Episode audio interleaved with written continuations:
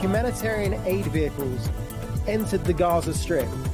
and were overwhelmed by uh, people attempting to essentially loot